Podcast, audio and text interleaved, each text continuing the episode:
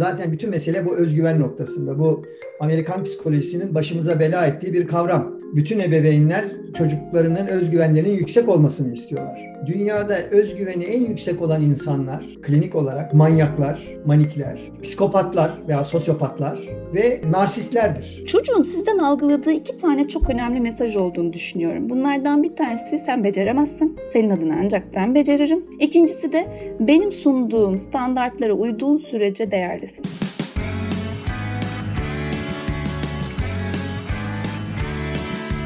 Gözünüz kulağınız bizde olsun. Kısa Dalga Medya. Geçmişi 52 yıl öncesine dayanan ve bir psikoterapist tarafından literatüre kazandırılan helikopter ebeveynlik, günümüz anne babalarının en büyük çıkmazı. Anne baba olma yolculuğu sırasında onlar için kendimizce en engebesiz yolu ararken farkına bile varmadan önlerine koca koca taşlar bırakıyoruz. İşte bu kavram yani helikopter ebeveynlik çocuklarının canı yanmasın diye karşılarına çıkan ya da çıkma ihtimali olan tüm engelleri onlar adına kaldıran anne babaları tanımlıyor. Bu terimi ilk kez duyanlar için konuyu biraz daha anlaşılır kılıp şöyle de açıklayabiliriz. Çocuklarının etrafında pervane, onların her dileğini lambanın cini gibi anında yerine getiren, ihtiyaçlarını ışık hızıyla gideren aşırı koruyucu, çocuğun yörüngesinde hayat süren ebeveynlerden bahsediyoruz. Örneğin biz bugün okulda yıldızı peki aldık gibi çoğul özleni cümleler kuruyor, onlar adına kararlar alıp çözebilecekleri sorunları siz hallediyor, hatta gelecek hedeflerini dahi belirliyor iseniz belki siz de helikopter ebeveynsiniz. E doğru olan da bu değil mi zaten diye düşünüyorsanız bu podcast'i sonuna kadar dinlemenizi tavsiye ederiz. Bakış açınızı yeniden gözden geçirecek, anne babaların sağlıklı bireyler yetiştirmedeki kilit rolünü daha net anlayacaksınız. Niyetiniz çok masum olsa da bu tür tutumlar çocukların kişiliklerinde ciddi yarıklar açıyor, psikolojik problemlere zemin hazırlıyor. Can simidi olan problem çözme yeteneği elinden alınmış çocuklar, depresyona yatkın, kaygılı, bağımlı, hassas ve özgüven sorunu olan yetişkinler olma riski taşıyor. Helikopter ebeveynlik tutumları daha çok tek ve iki çocuklu ailelerde görülüyor. Uzmanlara göre bunun altında kimi zaman ebeveynlikle ilgili bir çeşit tatmin duygusu yatıyor, bazen de kendi ideallerini gerçekleştirememiş anne babaların bir nevi telafi şekli oluyor. Bu sorunla baş edebilmenin yolu çocukların risk alıp hata yapmasına hatta başarısız olmasına izin vermekten geçiyor. Yani kendi kanatlarıyla uçabilmeyi öğrenmeleri gerekiyor. Ben Kısa Dalga Podcast'ten Pervin Metin. Oku, dinle, izle. Kısa Dalga.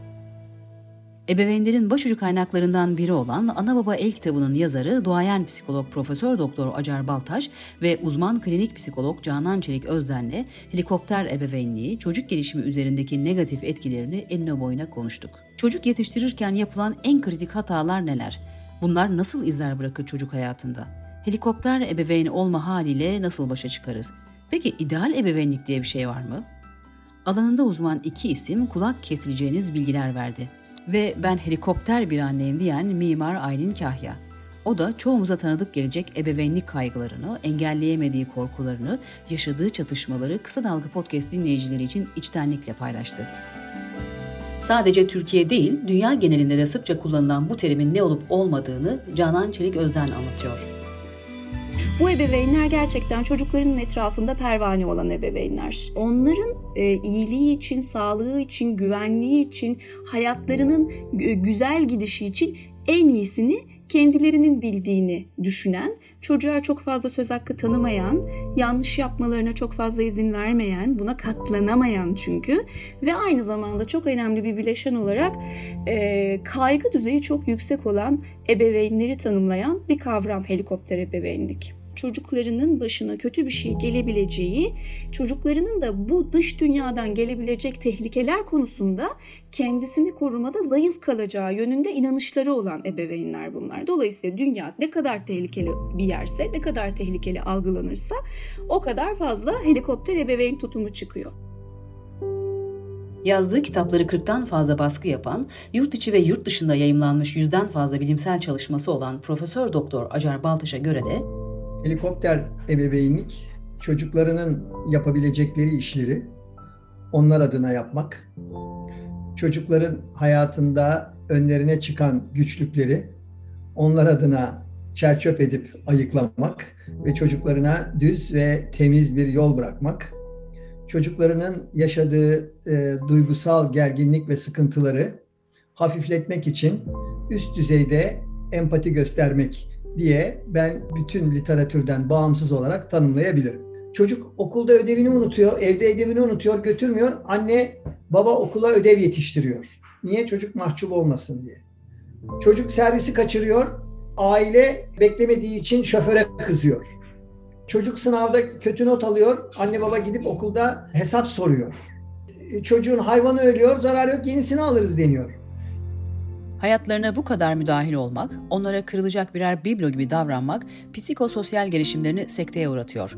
İhtiyaç duyduğu temel yaşam becerilerini elinden aldığınızda gerçek hayatta yüzleştikleri an travma yaşıyor, yetersizlik, özgüvensizlik gibi duygularla baş etmek zorunda kalıyorlar.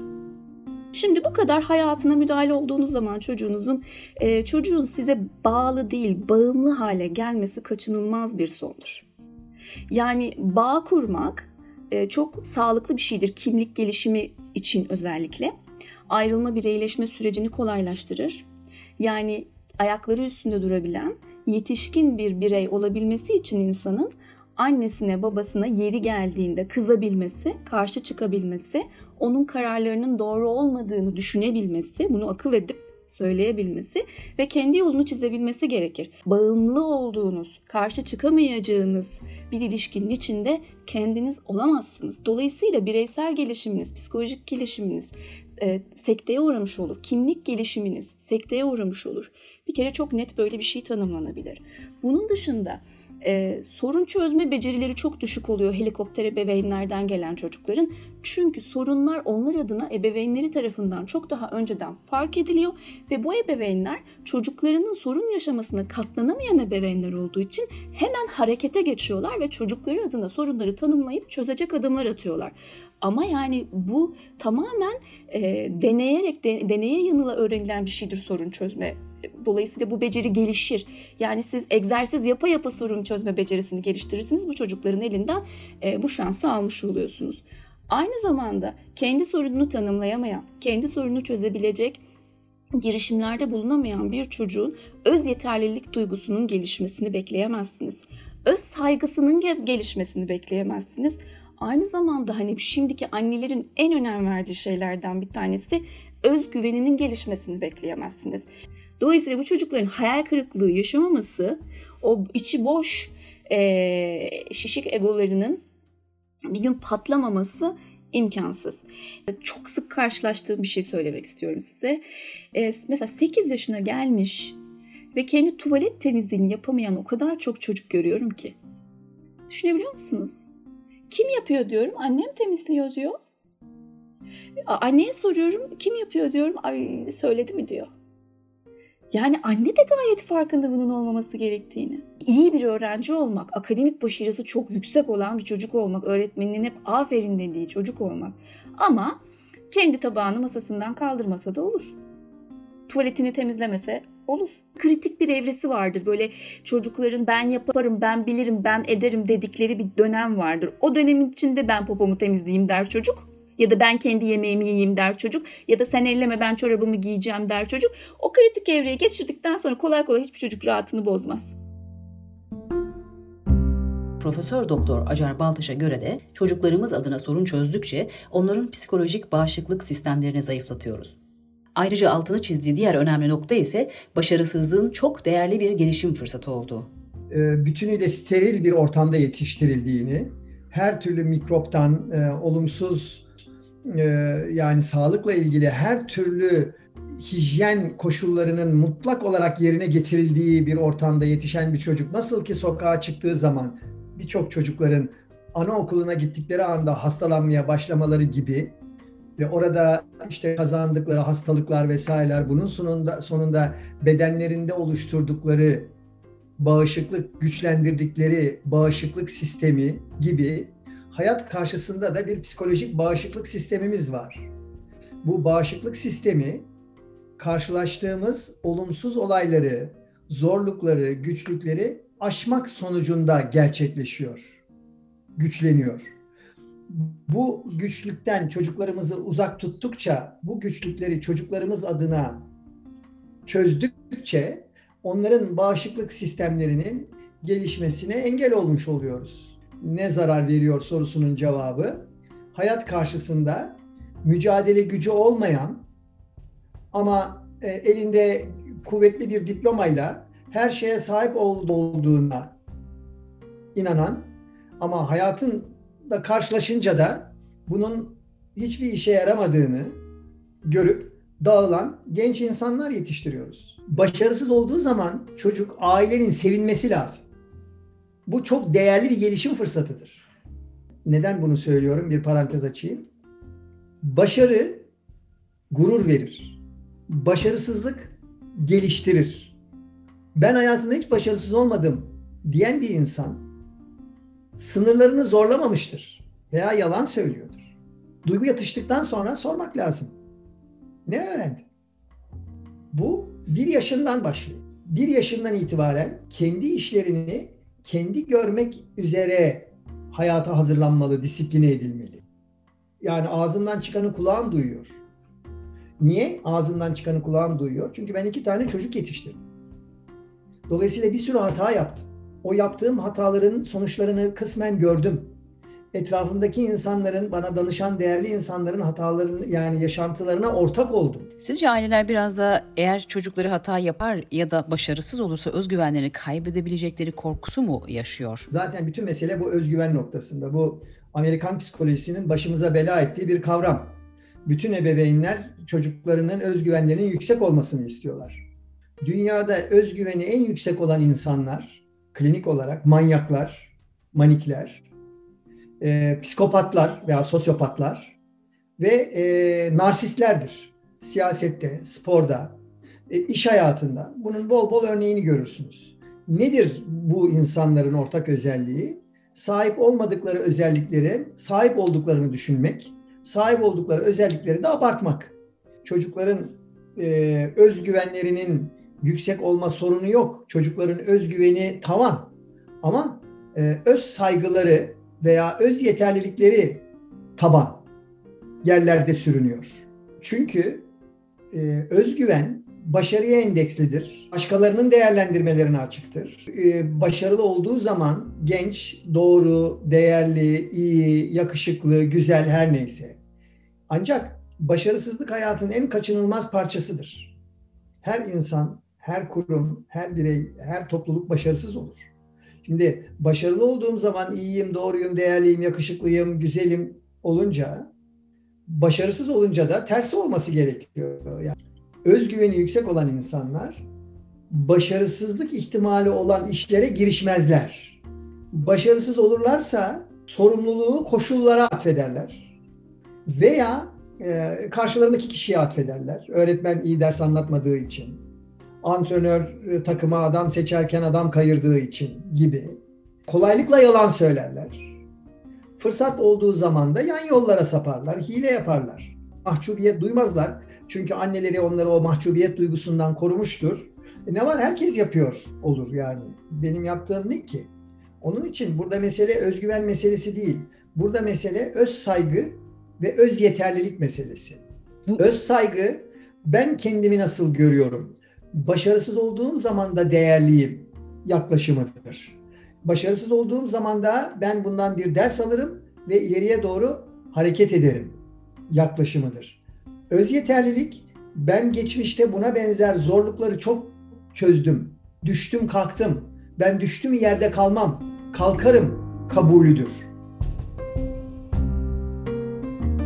Çocuk üstesinden gelemediği herhangi bir sorunla karşılaştığında okulda, sokakta ya da evde anne babanın çözüm noktasında tavrı nasıl olmalı, nasıl yaklaşmalı?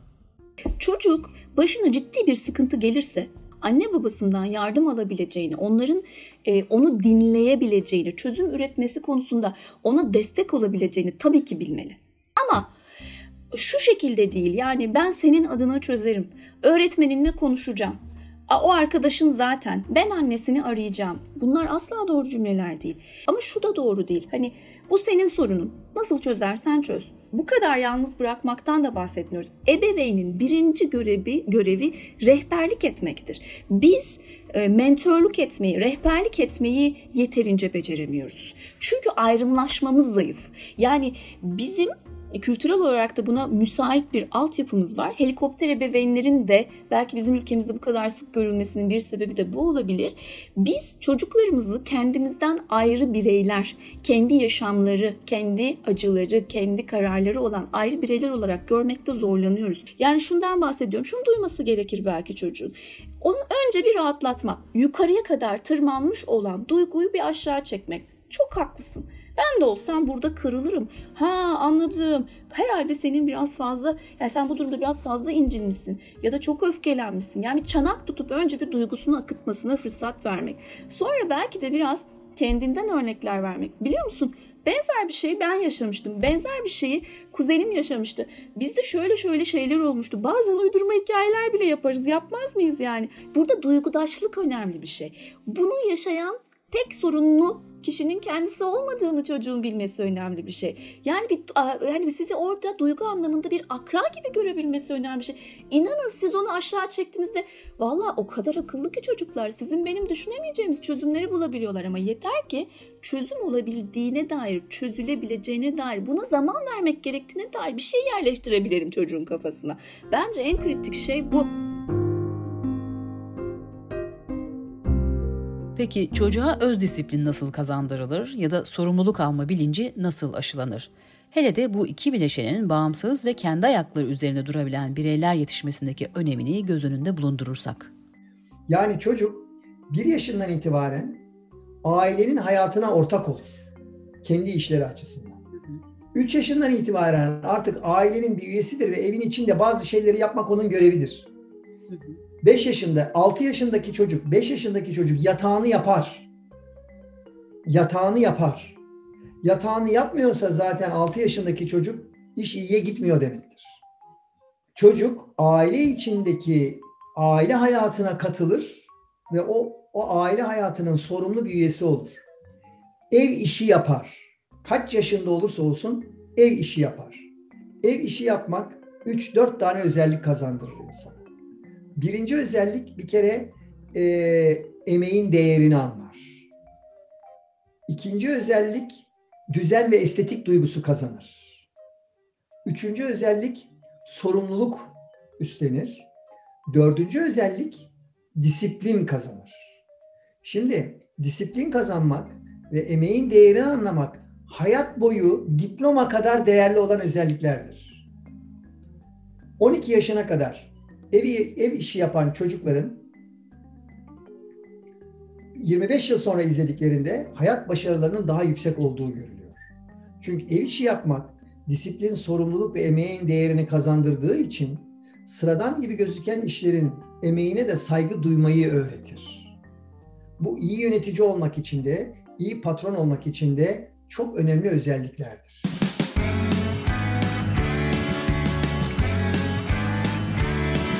Kulağınız bizde olsun. Kısa Dalga Podcast. Ne yapıyorlar? Sabah kalkıyorlar, yataklarını topluyorlar, kahvaltı için aileye yardım ediyorlar. Okuldan gelince ailenin hayatı için bir şey yapıyorlar. Ekonomik olarak biraz daha sınırlı imkanlara sahiplerse para kazanmak için, ailenin hayatına katkı sağlamak için, doğrudan para kazanmasa bile babasının para kazanmasına yardımcı olmak için onun yanında bir şeyler yapıyorlar. İşte bu hayata hazırlıyor. Sonra bu çocuklardan disiplinli olanlar yani öğrenme, çalışma disiplini olanlar, ortalama ortalamanın biraz üzerinde zekaya sahip olanlar Türkiye'nin orta üstü üniversitelerine gidiyorlar. Ondan sonra gelip girdikleri şirkette diğer gruptan gelenlerin üzerinden silindir gibi geçiyorlar. Ee, buradaki kritik nokta çocuğun önündeki engelleri kaldırmak değil, o engelleri kaldırmasına imkan sağlayacak zemini hazırlamak. Onun yapabileceği hiç çocuğunuzun yapabileceği hiçbir şeyi onun için siz yapmayın. Bir kere bu temel motto bu. Onun yapabileceği hiçbir şeyi onun için siz yapmayın. Çünkü ben böyle yetişen çocukların üç buçuk yaşında kendi çorabını giydiğini, bir buçuk yaşında kardeşini beslediğini de görüyorum. Nedir yapılması gereken bir. Çocuk bir kere okul hayatı boyunca öğrenci kulüplerinde görev alacak. Bir. İki, hangi düzeyde olursa olsun, hangi düzeyde olursa olsun kendi dilini geliştirmeye çalışacak. 2. 3. E, mutlaka yaz tatillerinde çalışacak. Hiç değilse bir ay. Bir kafede çalışacak. Bir AVM'de satış yapacak. Hiç değilse bir ay. Sıradan gibi gözüken işleri yapan insanların bir başka dünyanın insanların dünyasına girip emeklerine saygı göstermeyi öğrenecek. Ondan sonra ne yapacak? Sivil toplum örgütlerinde çalışacak. Sivil toplum örgütlerinde kendinden daha şanssız insanlara götürülen hizmetin içinde yer alacak. Şimdi e, öğrenci kulüplerinde görev almak, sivil toplum örgütlerinde görev almak ne demek? Emir verme yetkisine sahip olmadığın insanlara iş yaptırmak. Emir verme yetkisine sahip olmadığın insanlara iş yaptırmak, duygusal zekanın en başta gelen hayata yansıyan kriteridir. Dünyayı kendi imkanlarıyla ve kendi gözüyle tanıyacak. Ondan sonra bu insan hangi üniversiteden mezun olursa olsun bunları anlattığı zaman karşısına gittiği kişinin onu işe almaması mümkün mü? Sosyal sorumluluk projelerinde çalıştığı zaman sahip olmadıklarının özlemini duymak yerine sahip olduklarına şükretmeyi öğrenecek. Ve kendisinin ne kadar şanslı ve ayrıcalıklı bir insan olduğunu görecek. Dünyanın kendi etrafında dönmediğini anlayacak. Aşırı empati disiplinsizlikte olur. Bu sizin söylediğiniz helikopter annelerinin bir numaralı sorunu budur. İdeal ebeveynlik diye bir şey var mı? İdeal ebeveynlik diye bir şey tabii ki olamaz. Niye olamaz? Çünkü bir kere çocuklar dünyaya geldikleri andan itibaren ortaya çıkan bir özelliği vardır. Kimisi kolay mizaçlıdır, kimisi zor mizaçlıdır, kimisi de ikisinin ortasındadır. Ee, alışması zaman alır. Şimdi eğer bir çocuğunuz varsa o da kolay mizaçlı bir çocuksa anne babalığı ona yaptığınız anne babalık zannedersiniz. Diğerlerine bakar onlar bilememişler de onun için böyle yapmışlar dersiniz. Sebebi bu. Helikopter anne babaların çocukları daha çok hangi psikolojik rahatsızlıklarla karşınıza çıkıyorlar? Var mı koyduğunuz teşhisler? Şimdi bu ebeveynler genellikle kaygı dolu ebeveynler oldukları için yani şöyle kaygı aslında çok yaşamsal bir şeydir. Belli bir miktara kadar da gerekir. Hayatta kalmayı sağlar kaygı. Başarıyı sağlar kaygı. Kaygısız bir insanın mesela akademik başarısının olmasını beklemezsiniz. Ama yeteri kadar kaygıdan bahsediyoruz. Bu ebeveynler aşırı kaygısı olan insanlar olduğu için e, genellikle çocuklarına da bu kaygıyı enjekte ediyorlar. Yani böyle bir geçiş oluyor. E, dolayısıyla helikopter ebeveynlerle büyümüş çocukların büyük bir kısmında kaygı bozuklukları görmek çok mümkün. Depresyona da çok yatkın bireyler olmuş oluyor e, bu hasta, bu, bu, bu bireyler. Hasta olmuş oluyorlar dolayısıyla. Evlenemeyen hastalar var. Evlenip eşini annesinin evine getiren hastalar var. E, bu tür ebeveynliğin içinde sağlıklı e, karşılıklı alışverişe, koşulsuz sevgiye dayanan bir ilişki olması mümkün mü? Mümkün değil. Çocuğun sizden algıladığı iki tane çok önemli mesaj olduğunu düşünüyorum. Bunlardan bir tanesi sen beceremezsin. Senin adına ancak ben beceririm. İkincisi de benim sunduğum standartlara uyduğun sürece değerlisin. Ha belki üçüncü de şunu ekleyebiliriz. E, onay almadığın zaman sen bir hiçsin. Psikolojik bir rahatsızlık mı peki bu helikopter ebeveyni olmak sizce? Öyle çizdiğiniz tabloda da e, aslında çok da şey normal görünmüyor çünkü. O yüzden sordum bu soruyu. E, şöyle diyelim. Kriter olarak kullandığımız DSM-5'imiz var. DSM-5'te geçen bir patolojik bozukluk değil. E, ama patolojik bozukluklara yol açan bir aile tutumu. Yani aile tutumları sınıflanabilir. Buna yol açabilen bir aile tutumu diyelim buna. Ama bağımlılık problemi olan anne babalar olduğunu çok rahat söyleyebiliriz. Ben helikopter bir anneyim ya da babayım ve bu durumdan kurtulmak istiyorum diyen kişi nasıl değiştirebilir kendisini? Nedir çaresi? Yani herhalde Pervin Hanım burada en önemli şey, öncelikli şey bir kere bu anne babalara koruyucu ruh sağlığı çerçevesinde eğitimler vermek lazım herhalde en önce. Yani bu eğitimin başında ne var? Ee, bakış yeni bir bakış açısı yerleştirmek lazım. Yani şundan bahsediyorum bizim çocuğumuz değil çok bir anne söylemişti o kadar hoşuma gitmişti ki böyle yaş yaşı da biraz büyük orta yaşın biraz üstünde bir anne ama küçük çocuğu olan bir anne. Ee, geç anne olmuş biri. Bana demişti ki e, o benim emanetim. Çok hoşuma gitmişti bu. Yani e, şu an onu ben doğurdum ben bakıyorum ben büyütüyorum Ama hayata teslim edeceğim. Yani bir gün ben onu hayata vereceğim. Dolayısıyla o, o benim emanetim. Gözüm gibi bakarım. Yapabildiğim kadar demişti. Dolayısıyla bakın o sizin sizden çıkan tabii ki sizinle çok güçlü, çok güzel bir bağı olan, çok sevdiğiniz ama kendine has, ayrı bir birey. Bu, bu çok önemli bir şey. Siz kısa vadede onun her şeyini yapabilirsiniz ama uzun vadede hazırlamanız gereken bir hayat var. Ve her zaman yanında olmayacağınızı da düşündüğümüz zaman bu bakış açısıyla çocukları büyütmek lazım. Şimdi helikopter bir anne olduğunu söyleyen mimar Aylin Kahya'ya kulak veriyoruz. Anneliği 40 yaşında deneyimleyen Kahya'nın 5 yaşında bir oğlu var.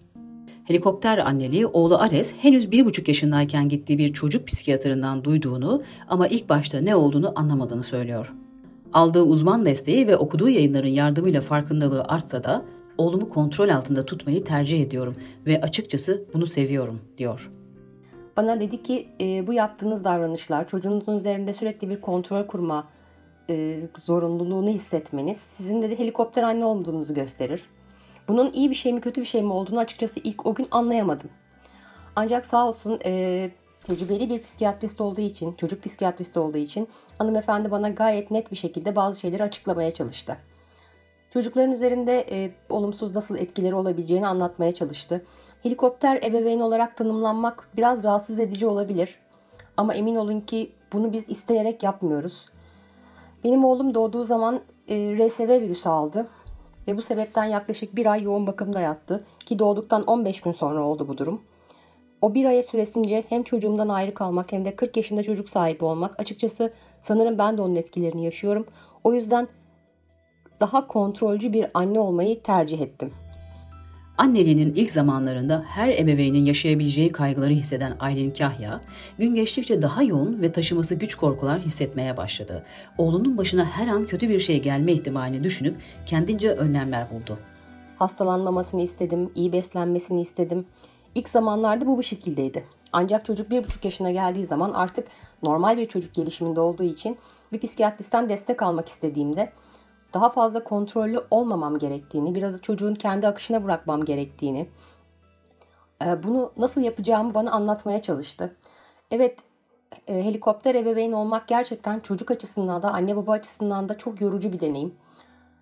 Sürekli her yaptığını, bir iki merhale sonrasını düşünerek olumlu ve olumsuz sonuçlarını tahmin ederek, tahmin etmeye çalışarak çocuğunuzun üzerinde istenmedik bir baskı uyguluyor olabilirsiniz. Evet uyguluyoruz. Bunu istem dışı yapıyoruz, bazen bilerek yapıyoruz. Sonra yavaş yavaş kendi kendimi kontrol altına almaya çalışarak çocuğumun bazı noktalarda özgürlüğünü ilan etmesini sağlamaya çalıştım ki benim oğlum da helikopter annenin tam tersi bir kişilikte bir çocuk. Kendi kararlarını kendi vermek isteyen, doğru ve yanlışı yaşayarak öğrenmek isteyen ama bir o kadar da kontrollü ve tedbirli bir çocuk. Hiçbir zaman e, iplere tırmanan bir çocuk olmadı ya da bir skutura hiçbir zaman diğer çocuklar gibi bir anda binmedi. Eminim bu kaygılarım, bu tedirginliklerim ilerleyen dönemlerde daha çok artacak. Yetişkin olduğunda çünkü her noktada onu kontrol altında tutamayacağım. Çocuğa karşı aşırı bağlılık eminim ki ergenlik dönemine geldiğinde onu oldukça zorlayacak. Kendi kararlarını alırken bize danışmasını isteyeceğiz. Belki de danışmayacak oldukça ısrarlı bir çocuk. Aynı zamanda zeka yaşı da normalin e, yaklaşık 2 yaş üzerinde. Bu yüzden de birçok şeyi bizim tahminimizden çok hızlı şekilde algılıyor ve yerine getiriyor.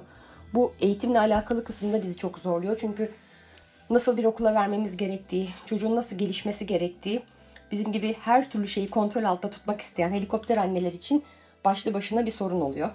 Bazı şeyleri bilsek de bu kadar kontrolcü olmaya çalışsak da yine elimizden geldiği kadar onu o küçük fanus içinde tutmaya devam etmekten kendimizi alıkoyamıyoruz. Bağımsız, objektif, kaliteli haber. Kısa Dalga Medya.